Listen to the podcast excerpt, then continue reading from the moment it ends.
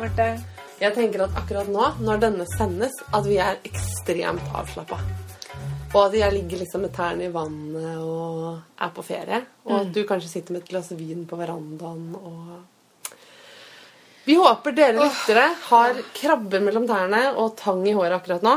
Eller at dere sitter ute en sval kveld med bare tær, saltvannshår og en, en lett liten jakke dere har strikket selv.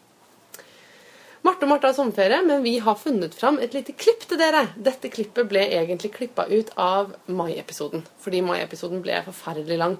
Mai-episoden var det beryktede fniseavsnittet. Vi snakka om ting man kan strikke om sommeren, om sjal, men også litt om hvordan man kan tisse lydløst, og at jeg hadde levert doktoravhandlingen min og ikke hadde noen hjerne. I dette klippet, som vi eh, gir dere nå i eh, en egen sommerutgave, så forteller jeg litt om systemisk funksjonell lingvistikk, som er en del av det teoretiske rammeverket for forskningen din. Som jo er typisk eh, lett sommerlitteratur. Altså, absolutt! Hvis man vil ha mer av det, så kan man lese An Introduction to Systemic Functional Grammar by Michael Halliday. Fantastisk bok. Den veier sånn nesten 4,5 kilo, så det er kanskje ikke strandlektyre.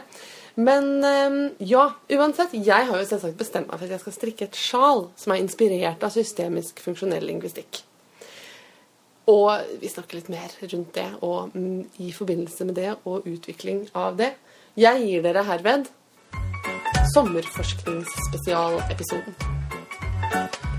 Lytt og nyt. Yes.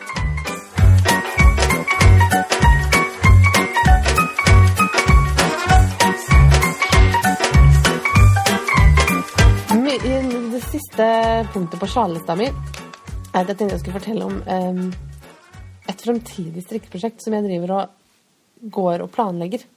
Spennende. Ja.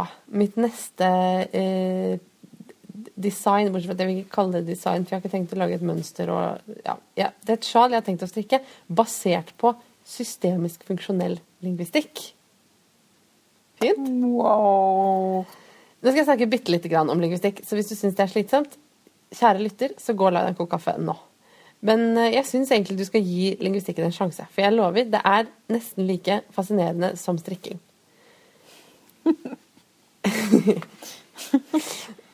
altså Systemisk funksjonell lingvistikk, heretter SFL, er en retning av språkforskning som tar utgangspunkt i at språk i bunn og grunn er en sosial aktivitet, og at vi bare kan skaffe oss kunnskaper om språk og om språksystemer ved å studere det i bruk i ulike sosiale kontekster. Michael Halliday er den personen som står bak SFL som eh, lingvistisk retning, og han er en av de kuleste menneskene i verden. Helt objektivt sett. Objektivt sett.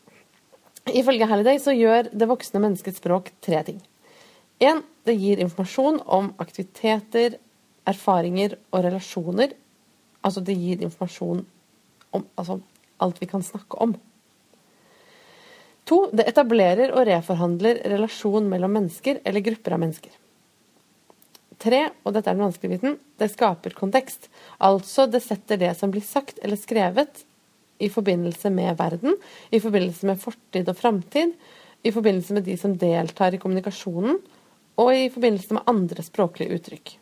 På sett og vis kan man si at språk skaper slags, et slags parallelt univers av grammatikk. Akkurat det siste poenget det kan du tenke over og kose deg med hvis du er sånn som meg, og så kan du glemme det med en gang hvis du ikke er sånn. Det jeg har beskrevet nå, det kalles for språkets tre metafunksjoner. Og for å gjøre en lang doktoravhandling kort, så er det bare én av flere tredelinger i SFL. Det er ganske mange som eh, trioer av begreper. Og grammatiske modeller innenfor SFL ser ofte ut som små trær med forgreininger. Um, og det var sånne modeller jeg satt og pusla med da jeg plutselig tenkte dette må bli et sjal. Jeg ser for meg et liksom, tredelt sjal, nemlig. Um, der, altså et trekantsjal, men som på en måte har en har tre partier. Men der hvert parti henger sammen med de andre to.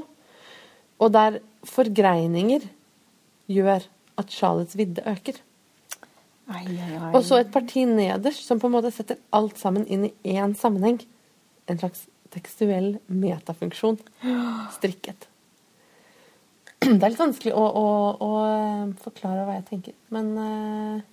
Jeg kan si det sånn, det er et sjal hvor du starter på, midt på langsida, og så har du tre felter med forskjellige mønster som ender opp i noe annet. Ja, jeg tenker at Det viktige her er at jeg får til noen sånne um, altså traveling stitches. At jeg får til noen eh, renner på en måte hvor Sånn at maskene fortsetter Ja. fra de tre panelene og ut i en felles del. Sånn at de på en måte både er separate og henger sammen. Og at vi får den der trestrukturen. Jeg tror det kan bli kjempefint. Vi kan, vi kan lenke til eh, en innføringsbok i systemisk funksjonell lingvistikk, tenker jeg. Ja. Du, når vi er inne på dette her med tredeling og eh, lingvistikk eh, For å plukke opp tråden fra forrige podden om kjepphester. Ja. Eh, Babsen min han har en annen kjepphest eh, angående ordet triumf. Det blir jo brukt i det vide og det brede når noen har gjort noe skikkelig, skikkelig bra nå. Og han blir like hissig hver eneste gang noen har begått en eh, triumf. Eh, eksempel da at man vant et skirenn i år. For det har man kanskje ikke gjort tre ganger. Oi, så ok. For det er, den, er det den etymologiske rota? Triumf. Mm, ja, selvfølgelig. Når man har vunnet noe Det er den tredje seieren. Du har gjort en kjempebragd tre ganger. Da har du gjort en triumf. Akkurat. Men, Mm. Så hvis man bare har vunnet et skirenn, da har man rett og slett gjort en umf? ja. Singulær umf. Ok, Kanskje jeg har glemt noe i denne forklaringen her nå, men poenget er i hvert fall at triumf er noe man gjør for tredje gang. Ja, nettopp. Som er bra, da. Man gjør det på en bra måte. Ja. Interessant. Jeg har også strikka sjal i det siste, Marte. Jeg har strikka også et sjal um, som også Altså, jeg syns det er et veldig kult utgangspunkt å liksom finne inspirasjon fra noe faglig, noe som utgangspunktet ikke er særlig strikket av seg. Og det sjalet jeg har strikka sist nå, det heter Cousteau-sjal. Som er designet av en som kaller seg Very Busy Monkey. eh, som har laget en samling av sjal, fem sjal, som hun kaller sjal Shawl Collection Number Eight, Scientist Two. Det er altså eh, sjalsamling nummer åtte, og sjalsamling nummer åtte punkt to om forskere.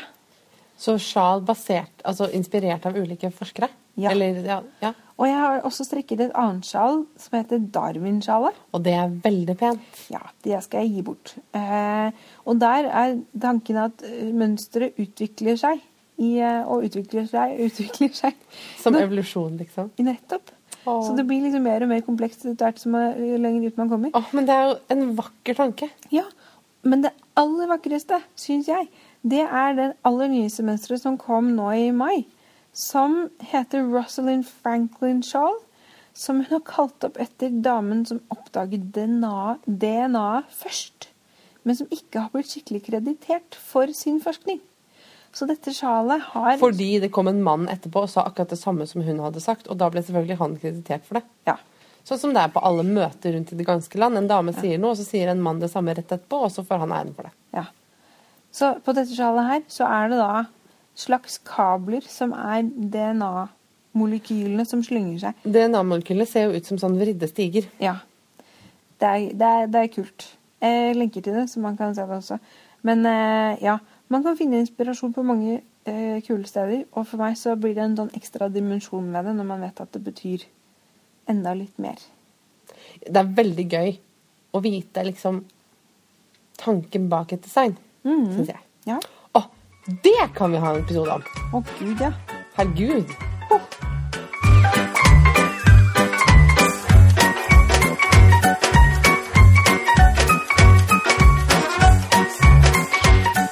Det var det. Som vi trodde. Forskning og strikking går hånd i hånd. Har du noen strikkeplaner for eh, sommeren, Marte? Nei. Nei. Nei. Så hva du ligger og strikker på akkurat nå på en strand, det er helt uh... Det er helt umulig å vite. Jeg har stort sett Altså, vet du hva, jeg har aldri plan og alltid plan. Jeg Ja. har alltid minst sånn ti ting som jeg garantert vet at jeg skal strikke. Og så sitter jeg der og skal strikke det. Og så har du bare kjøpt noe korallfarget og neongult isteden. Ja. Så, ja. Akkurat det. Ja. Og da blir det det i stedet. Men det blir sikkert bra. Jeg, jeg har, eh, har jeg noen sommerstrikkeplaner. Eh, Jeg har tenkt å dra på eh, bilferie og strikke bolen på en Marius-genser. Ja. Lykke til med det. Ja, takk. det hørtes veldig kjedelig ut. Jeg tenkte at det var fin rettstrikk å gjøre på en lang biltur, og Ja. det blir fint. Men i august er vi tilbake med mer ordinær podkasting. Inntil da så får både dere og vi strikke godt, bade lenge og spise mye is. Ha det, Marte! Ha det, Marte.